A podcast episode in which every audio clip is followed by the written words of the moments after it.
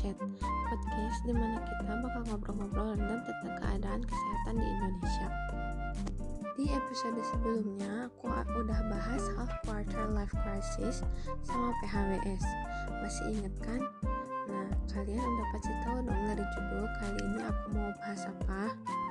Yap, betul. Di episode kali ini, aku mau bahas baby boom di masa pandemi COVID-19. Ada yang tahu nggak baby boom itu apa sih? Yuk cari tahu bareng aku.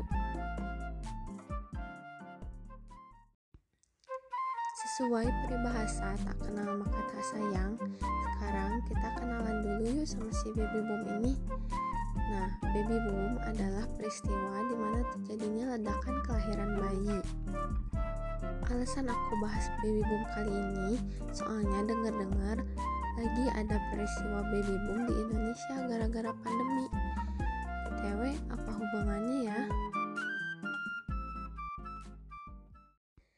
Selanjutnya, aku mau bahas sejarah dari baby boom ini.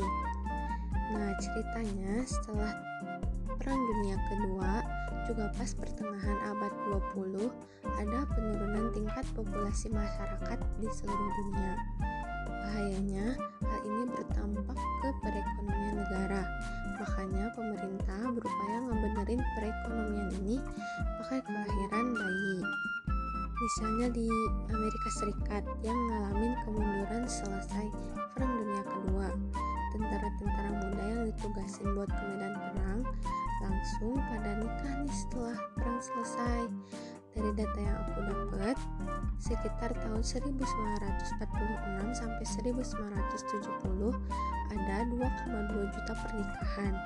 Jadilah angka kelahiran naik di 1946 sampai 20 persen, bahkan naik sampai 26,6 persen di tahun 1947.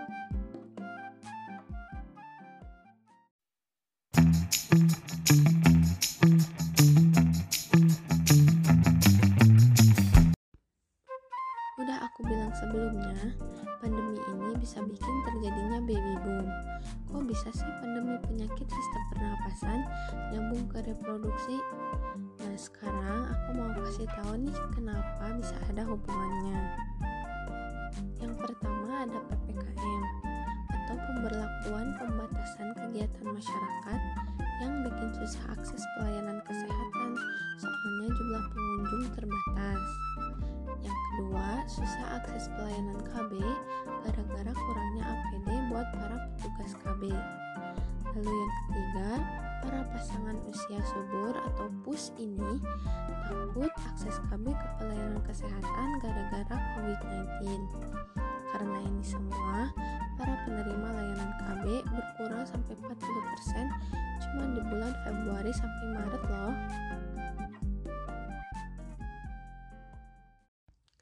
Nah, buat kejadian baby boom di masa pandemi ini, ada antisipasinya juga loh. Buat para pus, bisa dengan gunain KB alternatif selama masa darurat COVID-19 dengan pakai alat kontrasepsi jangka pendek kayak pil, suntik, dan kondom. Dari pemerintah sendiri, ada strategi lain nih dengan edukasi ke masyarakat agar ngasih pemahaman tentang tetap perlunya pelayanan KB dengan menerapkan prosedur pencegahan COVID-19. Selanjutnya, dengan memberdayakan peran penyuluh KB atau petugas layanan KB buat aktif melaksanain pelayanan KB pada masa pandemi COVID-19.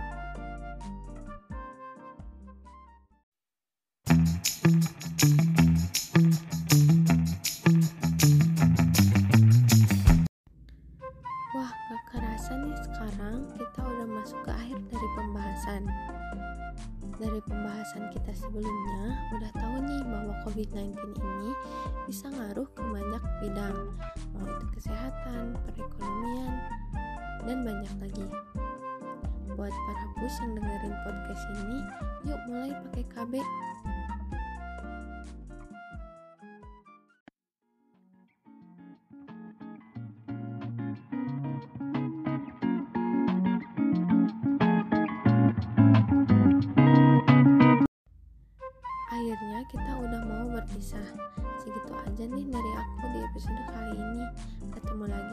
episode selanjutnya yang aku usahain bakal lebih baik dari episode kali ini.